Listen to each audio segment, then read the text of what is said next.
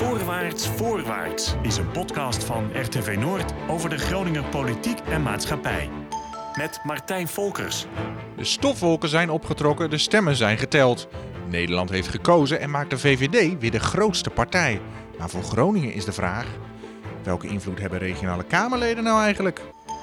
Voorwaarts, voorwaarts. Gasten van vandaag uh, Arno Rutte, voormalig Kamerlid uh, van de VVD. Anne Kuik, je kunt je weer opmaken voor een periode Den Haag als Kamerlid voor het CDA. En uh, Mario Miskovic, politiek verslaggever en verslaggever gaswinning voor RTV Noord. Allen welkom. Als we naar de afgelopen week kijken, zeg maar. Anne, Ja, ik zat hier ja. uh, woensdagavond nog op ja. de kruk en toen, en vroeg je mij... Uh, nou Anne, hoeveel zetels uh, gaat het worden? Toen zei ik, ja joh, 22. Ja, dat viel toch een beetje tegen, ja. moet ik eerlijk zeggen. Ja. Laten we zeggen, je bent ruim gekozen, Anne. Ja, ik, uh, ik, aan, aan, mijn plek uh, was inderdaad uh, wel vrij zeker inderdaad. Maar het is, weet je, zo'n zo'n uitslag is altijd heftig. Ook omdat je gewoon afscheid neemt van, van collega's. waarvan je had verwacht, daar ga je weer mee samenwerken. En dat is niet alleen van je eigen partij. Maar ook van andere partijen. waar je toch, mensen waar je toch een band mee hebt opgebouwd. Dus het is ook ja, een beetje, ja, toch Heel ook gek. een beetje rouwverwerking. Ja, want, want hoe heb je het beleefd, die woensdagavond? Nou, dat is gek. Want normaal zit je natuurlijk bij elkaar Hè, in zo'n zaal en dan heb je de camera's op je kop en dan moet je moet je gezicht uh, uh, recht houden. Nou, je weet het nog wel, Mario. Weet ja, je nog, vier jaar geleden? Vier jaar geleden was ik erbij ik, bij Ik het vind het altijd verschrikkelijk, zo'n avond, want het is zo spannend. Um, en nu was het gewoon thuis. En uh, dus dan, dan, ja, dan hoef je ook niet je gezicht helemaal aan de plooi te houden. Dus op zich was dat ook wel fijn. Dus want ja, het gewoon, was wel een teleurstelling, ja, je zeker. kon gewoon ongegeneerd schelden tegen de tv. Ja, maar je had toch een blije echtgenoot thuis. Dat is helemaal beroerd, of niet? Ah, die, is, uh, die, uh, die heeft heel, heel netjes zich hebben. ingehouden oh, voor mij. Oh, ja, hoor, nee. Maar dat lijkt me wel lastig, die uh, dubbele emoties thuis. Nee, ja, wij kennen elkaar natuurlijk al zo lang dat je rekening met elkaar houdt. Nee. Ja. ja, dat is waar. Arno, heb jij gekeken? VVD, weer, toch weer de winnaar? Ja, ja en ik, dat, dat vind ik natuurlijk sowieso hartstikke leuk om, om, om mee te maken. En, um, Um, maar het wel heel anders dan andere keren. De, de eerste keer, 2012, toen uh, reed ik niets vermoedend in een bus naar Den Haag of naar Scheveningen. Na een campagnefeestje denk nou, ik ga s'avonds weer terug. En toen was ik in keer gekozen. Dat was nogal wat. En de tweede keer, toen, toen leken de, de peilingen voor de VVD heel beroerd. En toen was het een enorme ontlading, toen we toch 33 zetels haalden. En, maar vooral ook vanwege die emotie die Anne nu negatief meemaakt. Want dat ik daardoor wist welke collega's ik toch weer in mijn fractie mocht begroeten, waar ik, waar ik erg aan gehecht was. En wat Anne nu niet vertelt, maar wat bij een slechte uitslag ook nog speelt, is niet alleen je verliest collega's in de Kamer met die je intensief samengewerkt, maar als je fractie kleiner Ja, wordt, moet je ja. ook allemaal mensen ontslaan. Hè? Beleidsmedewerkers, persoonlijke medewerkers. Ja, dat is een drama. En die mensen die werken met hart en ziel voor je, echt dag in, 24 uur per dag staan die voor je klaar. En daar wordt gewoon afscheid van genomen. Mm. Stel je daar niet ook op in dat dat kan gebeuren? Ik bedoel, het blijft vervelend natuurlijk, maar je Ja. weet het. Het is de politiek, het verandert continu. Ja, dat is zo. En toch, eh, je, bent, je bent zo eh, betrokken bij je eigen werk en overtuigd van wat je doet dat het goed is, dat je het bijna niet kunt voorstellen dat kiezers je daar niet op zullen waarderen. Ja, En, ehm, Precies, zo werkt het wel. Je bent ja. enthousiast in die campagne. Ja, Ja, zo is Maar het. als elke partij het aantal zetels had gekregen wat ze hebben voorspeld, dan hadden we 300 zetels Ja, in de Kamer. tuurlijk. Het is dat all in the game. Hè. Slechte uitslagen horen er ook bij. Ja. Ehm, ehm, maar, het is, dus het, is, het, is, het, is, maar het is een hard gelachen. Ik heb het gelukkig twee keer niet mee hoeven maken, maar om me heen natuurlijk wel gezien. En het is niet zo dat de winnaars harder werken dan de verliezers. Het is, eh, het is gewoon een heel hard vak op zo'n Ja. moment. Ja. Politiek kan dan ook heel hard zijn. Po- Politiek is heel hard, ja. En ook tegelijkertijd wel weer collegiaal, want eh, die, die pijn die Anne daarom schrijf- beschrijft, hè, dat je ook collega's van andere fracties waarmee je intensief hebt samengewerkt, zijn gewoon collega's van je, dat je die niet terugziet in het Haagse. Dat, is, dat is best ingewikkeld. Ja. Betekent het voor jou, Anna, ook dat jij de komende vier jaar harder moet werken, omdat jullie fractie kleiner is? Nou, het betekent natuurlijk dat je meer onderwerpen onder je eh, krijgt. Dus ehm, ja, wij zijn wel een brede volkspartij waarvan iedereen ook verwacht dat je op alle onderwerpen goed aanwezig bent. Ehm, dus ja, dat is meer ballen in de lucht houden. Ja, d- daar komt het wel op neer. Ja, 15 is dan net te weinig. Hè. De ideale fractiegrootte zit tussen de 20 en de 24 zetels. Dan kun je alle onderwerpen be- kun je doen. En hoeft niemand zich eh, te- met een te, korte, te kleine portefeuille bezig te houden. En Ja. 14, 14, 15 is dan toch wel hard. Ja, Dan zul je ja, toch af en ja. toe een keer iets moeten laten liggen, denk Ja. ik hoor. Ja. En dat is lastig. Dat, is, eh, ja, dat Ja. weet ik nog uit de gemeenteraad, dat we twee zetels hadden, maar toch alles wilden doen. Dus dat is nog veel harder werken dan. Nou, maar dat was, dat was dan als je- natuurlijk part-time. kijkt, Ja, hè, als- ja, ja, precies. Als je daarnaar kijkt, hè, eh, we gaan het hebben over de invloed van eh, regionaal Kamerlidmaatschap. Wat, wat kun je inbrengen vanuit de regio, zeg maar. Ehm, Arno, in jouw tijd, zeg maar, je bent Mhm. nu eh, een kleine twee jaar uit de Kamer, als ik me niet vergis. Anderhalf jaar, ja. Ja. Wat kun je doen voor het noorden? Heel erg veel. Ehm, en, maar dat het meeste kun je bereiken als het niet zichtbaar is. Dus je kunt, kunt proberen heel zichtbaar dingen te doen, door heel boos over dingen te zijn en daarover naar de pers te gaan. Wat ook belangrijk is, hè, want dat is agenderend extreem belangrijk dat dat gebeurt. Ehm, maar heel veel dingen gebeuren via het, het informele contact met be- bewindslieden. En de gesprekken die je zelf voert met mensen uit de regio, vanuit hun deskundigheid, vanuit de ellende waar ze in zitten, waarin je, waarin je de verhalen heel concreet naar bewindslieden en via bewindslieden naar ambtenaren brengt. Zeg, jongens, dit kan zo niet, dit moet anders. En dus dan worden dingen, voordat het de Kamer bereikt, al anders ingeregeld, beter opgelost. Daar kun je veel, op, veel, eh, veel invloed hebben. Een ander moment met ehm, heel veel invloed is nu. Hè, er komt de formatie aan. En als je daar aan tafel zit, dan, ehm, eh, dan zijn dat de momenten dat je de voorbeelden die je hebt gezien en de dingen van je denkt, ja, dat vind ik echt heel belangrijk. Eh, en die zijn vaak, vaak verstopt in een regeerakkoord gebeuren die, kun je toch heel veel meer dingen doen. Een voorbeeld, bij de vorige formatie hebben we gerichte dingen opgenomen, waardoor eh, een belangrijk bevolkingsonderzoek als Lifelines nu nog steeds kan bestaan. Toen ik toegang kreeg tot, tot gelden vanuit Den Haag. En dat was, eh, was cruciaal. Nou ja, en als je aan tafel zit, kun je het wel noemen. En een gemiddeld Haags Kamerlid weet dat niet. Noemt het niet, neemt het niet om een regeerakkoord. En dat gaat echt over het voortbestaan van dat soort initiatieven. En als je dan kijkt, hè, is het ook cruciaal dat je juist in dat regeerakkoord zulke dingen fietst? Omdat je wellicht halverwege dan minder speelruimte hebt binnen zo'n coalitie om het voor elkaar te krijgen? Nou, als je zeker weet dat het voor elkaar komt, is het regeerakkoord het moment. Mhm. Zeker, want dat, daar de afspraken die daarin staan, doen, doen niet, niet 100% nagekomen, maar wel voor 95%. En eh, zeker op dit soort eh, hele concrete initiatieven, die worden eigenlijk wel ingevuld. Dat wil niet zeggen dat je niet in de tussentijd ook heel veel kunt bereiken. Er zijn, zijn veel momenten, veel debatten, begrotingsdebatten, waarin ook opnieuw met geld wordt geschoven, waarin initiatieven gesteund kunnen worden. Maar dan, dan zijn het vaak wel de kleinere dingen. Hè. Op een begroting van vele miljarden, ik was woordvoerder VWS, eh, daar, dan ga je op een padje voor 80, 90 miljard. Mocht je blij zijn als je eenmalig een miljoen kon verschuiven. Ja. Dat kan de cruciaal zijn. Hè. Dat kan het verschil maken tussen of een initiatief wel doorgaat, niet doorgaat. Ehm, ja. En Eh, tegelijkertijd op de grote schaal is het dan ook weer een fractie eigenlijk. Ja, maar, ja, ja, en toch symboolpolitiek is ook politiek, kan heel erg belangrijk zijn. Of bij debatten rondom ehm, orgaandonatie die ik veel heb gevoerd. Het is hier in, eh, in Groningen een fantastisch bedrijf dat eh, ehm, organen letterlijk opknapt. Hè. Die gaan in de zogeheten perfusiekamer. En die perfusietechniek is omarmd door eh, de Universiteit Twente en door het UMCG. Ja, er zijn heel veel Nederlanders inmiddels met een, met een donorlong die leven dankzij die techniek. En ook dat had een zetje nodig. De erkenning van het beroep van de medisch perfusionist. Nou, dat is maar zo'n ding. En eh, omdat ik het wist en omdat ik hier vandaan kwam en op werkbezoek was geweest, heb ik me daar hard voor kunnen maken. En is dat, is dat tegenwoordig gewoon eh, eh, geregeld. Dus regionale initiatieven kunnen echt impact hebben in Den Haag. Maar dan moet je ook echt dat regionale initiatief wel inbrengen in debatten. En ook op dat moment zorgen dat er wat voor gebeurt. Ja, Anne, als je jouw portefeuille van de afgelopen vier jaar onder de loep neemt, je had onder meer MBO, preventie, mensenhandel, prostitutie. Dat zijn, ja, dat zijn niet direct onderwerpen die.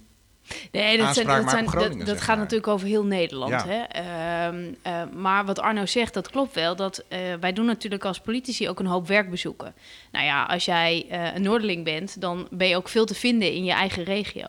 Ehm, en ja, als je dan werkbezoeken hebt, bijvoorbeeld bij een UMCG, als het gaat om preventie, hè, dat ze zorgen dat mensen fitter zijn voordat ze een operatie ingaan en ook weer fitter eh, zijn als ze eruit komen, hè, dat, de- hè, dat ze getraind worden. Dat soort initiatieven. ehm, eh, dat zijn voorbeelden wat eigenlijk over het hele land eh, zou kunnen worden ingezet. Dat helpt ons wel, zulke ideeën, om dat ook in Den Haag eh, in te brengen en uit te rollen over het hele land. Dus die werkbezoeken zijn heel erg van belang. Ehm, en het betekent niet dat ik, hè, je, je zei net van mijn portefeuilles. Eh, nou, inderdaad, ontwikkelingssamenwerking, dat heeft niet per se direct, zou je zeggen, met Groningen te maken. Ehm, maar het is natuurlijk breder. Hè? Ik, ik, ik denk ook mee als het gaat om verkeer, over bereikbaarheid, over wonen, over aardgaswinning. Ja. Ehm, alleen dat zie je niet. En, en ik heb het, wel- het was grappig toen, ehm, ik, en Mario, je weet, bij de meeste debatten plenair eh, zat ik ook vaak eh, wel eh, naast Agnes. Agnes, Mulder is Mulder, dan onze, ja, onze woordvoerder. ja. En dan mailden mensen mij wel eens van, nou Kuik, loop eens een keer naar voren naar die microfoon en zeg er eens even wat van. Ja. Zeg er eens even wat van. Dus van ja, maar ik ben geen woordvoerder. Dat, zo werkt dat niet, want dan wordt het ook chaos, weet je. Dus ehm, kijk, ook als het gaat om, om eh, de verdeling van cultuurgelden. Hè. We zagen op een gegeven moment dat eh, Van Engelshoven kwam met een brief...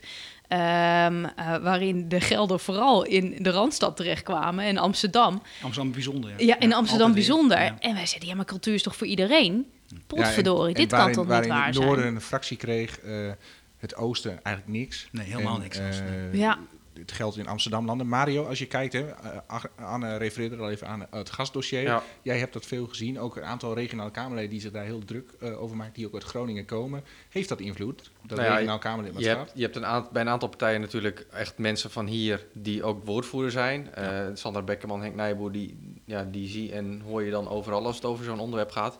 Maar wat Anne zegt klopt inderdaad. Je ziet tijdens zo'n plenair debat... Nou, Stineke van der Graaf zat stevast naast Carla Dick Faber. eh, Anne zat naast Agnes Mulder. eh Antje Antje, Dietens. Zat er altijd bij. Maar ik vraag me dan wel af... Kijk, Agnes Mulder die loopt ook al lang genoeg mee. Komt notabene uit Drenthe. Ik vraag me af in hoeverre jij haar dan echt nog... eh, Iets kan iets wijsmaken. kan toevoegen. Nou, daaraan. kijk, het is gewoon support natuurlijk. Hoe, hoe, hè, met hoe meer je bent die, die dat eh, onderwerp op de kaart hebben. En ik ben gewoon betrokken. Dus ik, het, het is ook gewoon de betrokkenheid waarom ik Ja. daarbij zit. Ehm, en in principe zou het ook niet moeten uitmaken uit welke regio zo'n woordvoerder komt. Ehm, maar het helpt wel dat, dat die hele fractie eh, duidelijk heeft dat dit zo'n groot onderwerp is, eh, wat voor ons eh, prioriteit heeft. Ja. Maar Dus het is je- vooral de betrokkenheid ja? waarom ik er daarbij zit. Als je daar naar kijkt, Mario, hè, vier jaar geleden hebben we een aantal partijen bewust Groningers hoog op de lijst gezet. En toen was gaswinning nog een wat hotter issue dan in de, ook in de discussie dan nu misschien wel. Ehm, heeft dat effect gehad, wat jou betreft?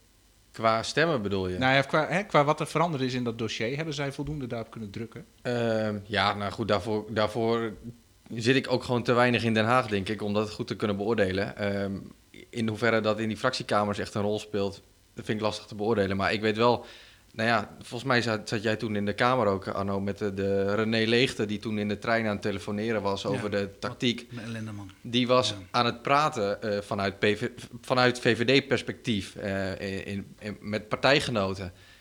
Ik denk dat dat jou als regionaal Kamerlid niet was overkomen. En misschien Betty de Boer was het misschien ook niet overkomen.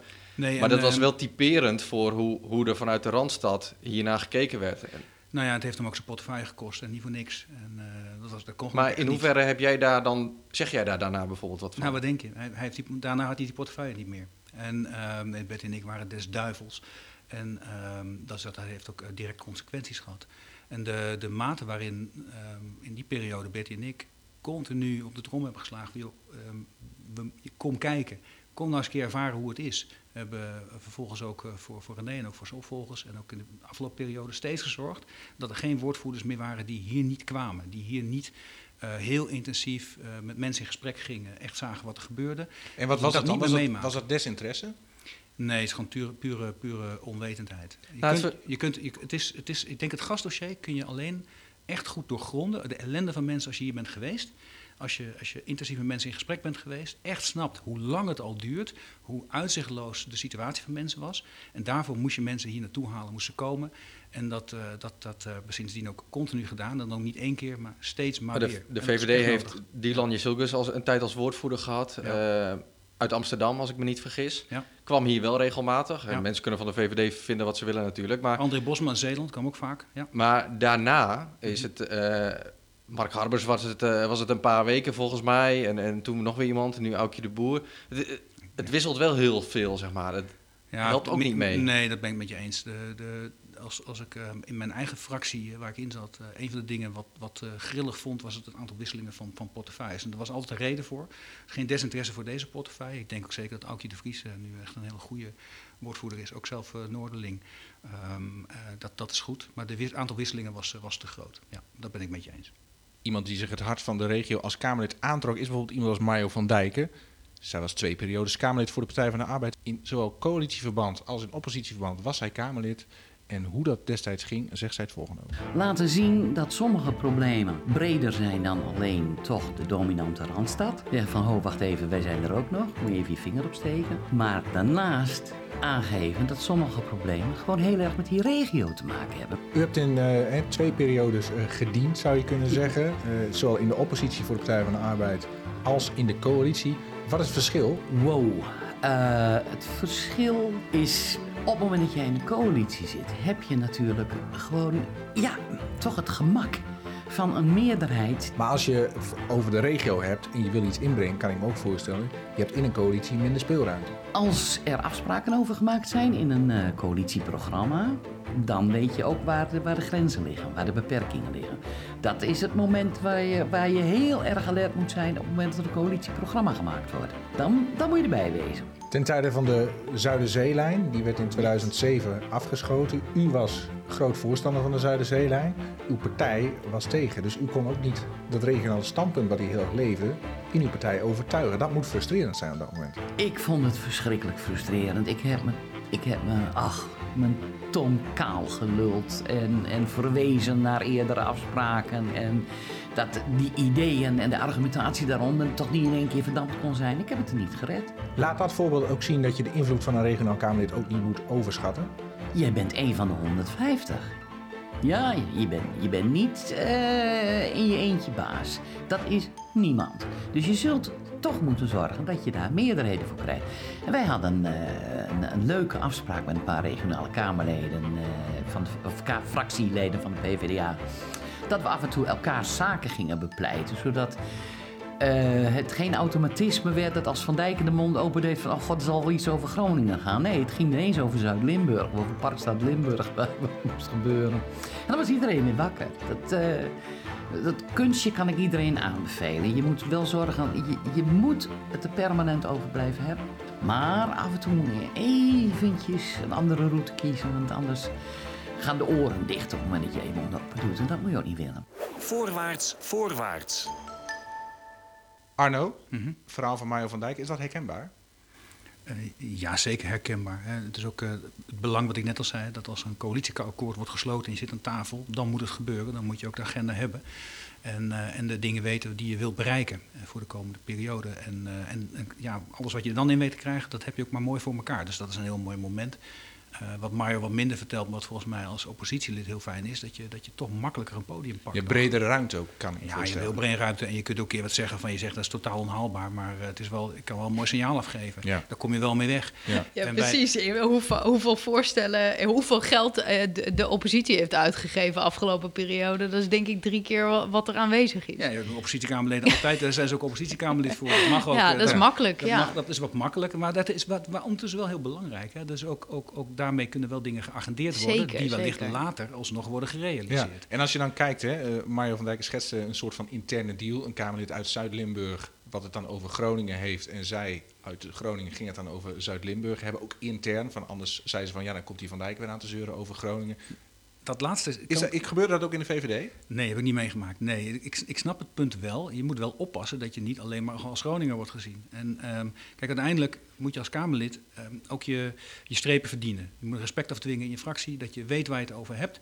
Dat je niet alleen maar eh, je vinger opsteekt alsof je eigen regio gaat, maar dat je breed echt verstand van zaken hebt. En als je dan iets zegt over de regio, dan wordt er ook geluisterd. Ja. Anne, CDA, gebeurde dat daar wel? heb jij, Ehm, heb nou, jij kijk, dingen ik- zoals uitgewisseld? ik- dat jij iets voor Brabant pleitte bijvoorbeeld of andersom? Ehm, wij zijn natuurlijk sowieso al een beetje een vreemde partij vergeleken met de rest. Als we, we- we- hè, elke regio is bij ons, als het goed is, hè, als we voldoende zetels hebben, eh, vertegenwoordigd. Dus bij ons is het vanzelfsprekend dat dit soort thema's eigenlijk elke fractievergadering wel geagendeerd worden. En ehm, we voelen er allemaal wat bij. Dus mijn collega's uit Limburg, die snappen ook waarom ik iets bepleit voor de EFRO-gelden eh, naar, naar Groningen toe. Ja. Alleen je hebt natuurlijk wel je noordelijke bondgenoten, zoals hè, uit Drenthe en uit Friesland. ehm, waar je van nature direct al wel een, een beetje een blok mee vormt. Is de, is de Kamer in algemene zin eigenlijk veel te randstedelijk? Volgens Ja. jullie? Ik, weet het niet. Het is natuurlijk, sowieso wonen er erg veel mensen in de Randstad. Hè, en, en, en Den Haag ligt gewoon verschrikkelijk decentraal. En dus ik denk dat dat de grootste rol speelt. Het is gewoon makkelijker om het Kamerlidmaatschap in te vullen als je wat dichter bij Den Haag woont. En daardoor is dus de vijver waaruit je kunt vissen ook wat groter. Stel het Ehm, Binnenhof zou in Utrecht zijn, zou het dan wel anders zijn? Ja, ben je? ik van overtuigd. Ja, Ja? Het zou echt anders zijn. Ja. En, Zie jij dat ook zo? Ehm, ja, niet iedereen kan die eh, lange afstand eh, ook aan, denk ik. Nou ja, vlak voor de installatie van de enquêtecommissie eh, over, naar de gaswinning zei je volgens mij tegen mij dat je eh, vier uur onderweg bent geweest om in Den Haag te komen. Ja, volgens mij, was, volgens mij was het met die sneeuw inderdaad. Ja. Normaal, normaal valt dat wel iets mee. Maar ja, nee. Eh, Dat moet je, dat moet je wel tegen kunnen. Maar je bent, je bent een regionaal Kamerlid, maar nou, in jullie geval, eh, jij en Betty de Boer zijn dan regionaal Kamerlid, maar je hebt nog 30 plus eh, anderen die dat niet zijn, of in ieder geval niet hier uit Groningen komen. Nee, nou ja, maar ook, ook uit, voor het merendeel wel uit, uit een regio. Hè. Het is echt niet zo dat, eh, dat bij de VVD elke Kamerlid uit Den Haag komt, eh, verre van. Ehm, dus dus uh, uiteindelijk hadden wij een mix van iedereen, alle regio's waren, waren vertegenwoordigd. En dat leidt ook altijd wel, Anne, Anne, Anne schetst het zo mooi, alle regio's ook aan tafel bij het CDA, zeker waar. En bij- er is altijd één debat per jaar, dan werd het één grote, eh, één grote eh, show, dat iedereen voor zijn eigen dingetje ging pleiten. En dat is het MIRT. Hè. Ja. Dat zijn BO dat- Meert, ja. Ja, het BO-MIRT. Dat, dat snapt niemand. Voor, Dat voor gaat over... uitleggen, dat gaat over infrastructurele projecten die Ja. dan Ja, ja, geagendeerd ja, ja. worden. En elke Kamerlid komt altijd wel met, de Zeker. een wil de Lelylijn, de ander wil iets in. Zuid-Limburg en de derde wil... En de N35 is nog steeds niet doorgetrokken naar Zwolle. Dus Nee. ik, ik ken ze inmiddels allemaal. En dat is elk jaar hetzelfde feest. En dan zie je ook, je kunt, ehm, eh, je kunt elke regio wel aan tafel hebben, maar het blijft een ingewikkeld verdeelmodel. En uiteindelijk is het allerbelangrijkste, denk ik, dat je als regio heel goed weet wat je echt belangrijk vindt. Wat, de wat je fundamenteel geregeld wil hebben. Dat je daarnaast ook een paar andere dingen, als het mee zit, ook geregeld kunt hebben. Prima. Maar die fundamentele dingen die moeten voor elkaar zijn. En dan moet je langdurig voor lobbyen. Zorgen dat dat langdurig ehm, op de kaart komt. En als dan iemand zijn vinger opsteekt, dat ze zeggen: Oh ja, daar hebben we het al heel lang over gehad. Logisch, dat moet nu gebeuren. Maar als je last minute, omdat je uit de regio komt, je vinger opsteekt. Ja, maar we hebben ook nog een weg. Of we hebben ergens nog een spoorovergang. Ja, dan, dan verlies je En, toch en, echt en, wel. en dat begint al bij de verkiezingsprogramma's. Hè? En ik vind dat deze keer dat het Ja. Noorden dat echt goed heeft gedaan. Eh, als het gaat bijvoorbeeld om die ledenlijn. Dat is volgens mij in alle programma's terechtgekomen. Ja. Ehm, dus dat, weet je, dan, dan heb je al wel een voorsprong natuurlijk. Ja, als we daar nog even naar kijken, hè, Marja van Dijk zei nog een interessant ding van, ja, je moet het ook niet overschatten. Wanneer merk je als regionaal Kamerlid van, ja, nu is mijn invloed beperkt? Nou, met dat meert, hè, als je daar laatst meer Ja. nou wat wil noemen, hè, dan, dan, ben- dan is je je te invloed laat. beperkt. Als er echt hele grote vraagstukken liggen die eh, sowieso opgelost moeten worden, maar voor jouw regio niet goed uitpakken, maar je weet, linksom of rechtsom moet het toch gebeuren, ja, dan kun je nog wel een keer je vinger opsteken. Maar dan gebeurt En het toch. fractiediscipline dan? Kan zeker meespelen, zeker. Ja, Maar heb ik niet, nog, me nooit beklemd gevoeld op Nee. zich. Nee. Nee, ook niet eh, het gasdossier? Nee, behalve dan dat, je, dat ik daarmee niet heel vocaal naar buiten kom te reden met een eigen opinie. Dat niet. hè. Maar intern wel. Ik bedoel, als, Intern als, heb ik, als eh, minister kan besluiten om, om nou ja, zoveel gas te gaan winnen op een gegeven moment. Na Huizingen. Ja, Jij zit in die fractie. Ja, zeker. zeker. Nou, ik dan moet ik even de film voor mezelf terugdraaien. Ehm, dat had ook alles nog te maken met besluiten die nog lagen uit die tijd eh, met de NAM. En dan viel ik niet zomaar terug te draaien. Dus dat was, was beroerd genoeg. Daar, daar was, daar was, dat was nou typisch zoiets waar eigenlijk geen invloed op mogelijk was. Waar Nee. je wel wat van kon vinden. Precies zo'n je- voorbeeld waarvan Van Dijk zegt van, dan is je invloed beperkt. Ja, dat was beperkt. En vervolgens is natuurlijk in dat gasdossier onvoorstelbaar veel gebeurd. Zeker ook de afgelopen periode. En niet voor niks.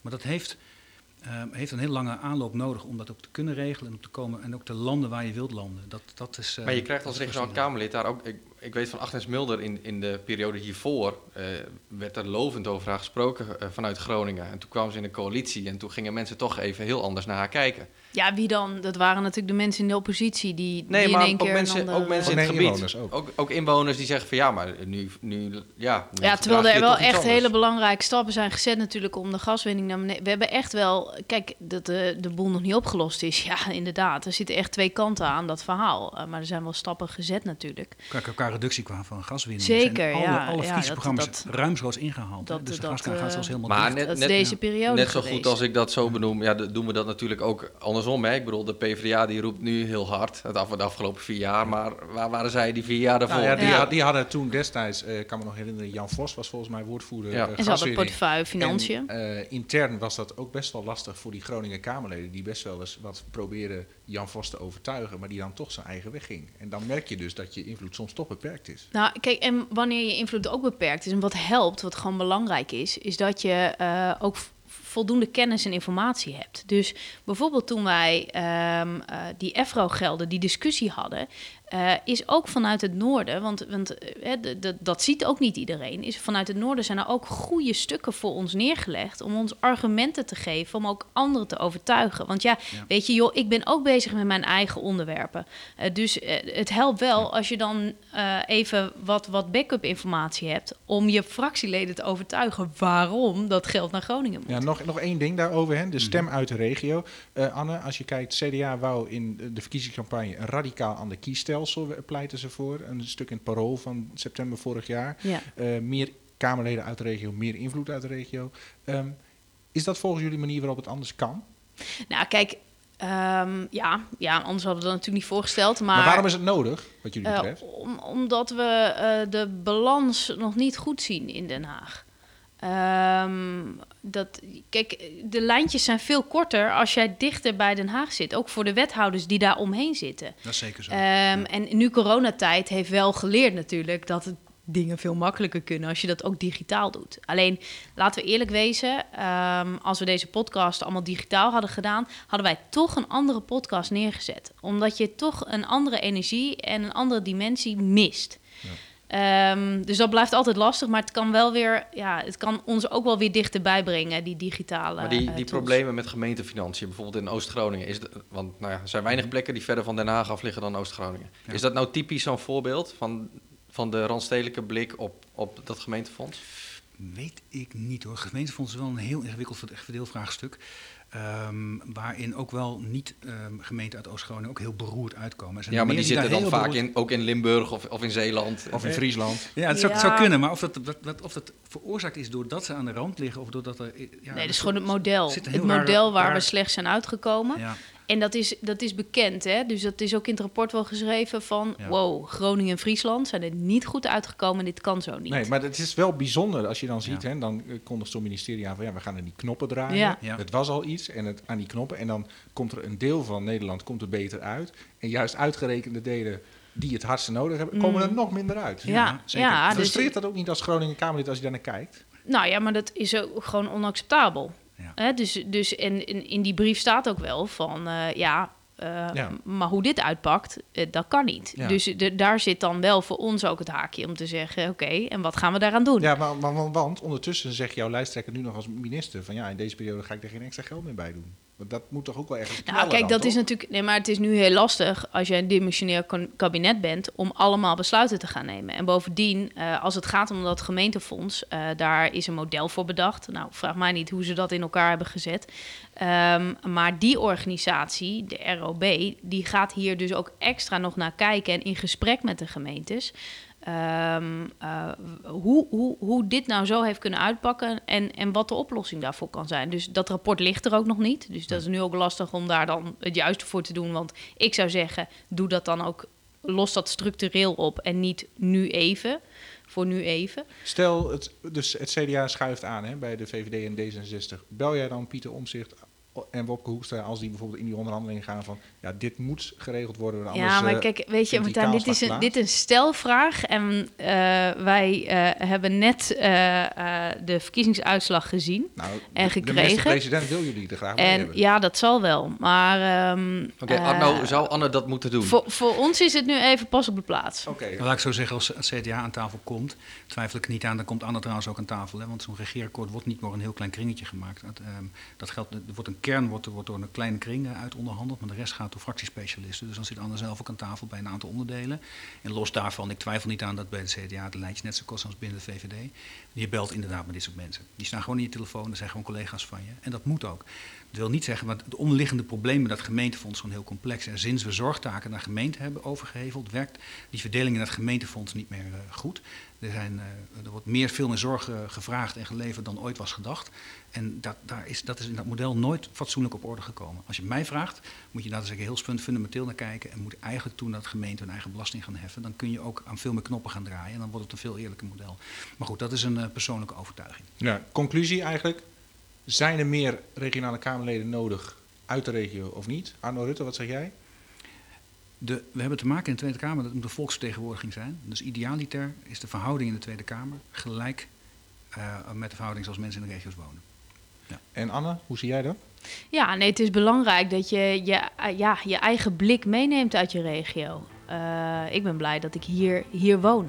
En eh, ook even uit de Haagse bubbel eh, kan stappen om te zien wat, wat is het gevoel hier. En dat neem je mee, dus dat is belangrijk. Mario, hoe zie jij dat meer? Ja, Ja, dat regio? Ik denk dat wat Anna zegt heel belangrijk is, dat je uit die Haagse bubbel weg bent. En iedereen heeft een bubbel om zich heen. eh, en het is voor iedereen heel gezond om daar af en toe even uit te stappen. En dan graag in Groningen, hier dan toch. Uit die bubbel in Groningen dus. Dit was hem weer, dit inkijkje in de politieke werkelijkheid. Dank voor het luisteren en ik zou zeggen tot de volgende Voorwaarts Voorwaarts. Voorwaarts, voorwaarts. Deze en andere podcasts van RTV Noord vind je in je favoriete podcastspeler of op rtvnoord.nl/podcast.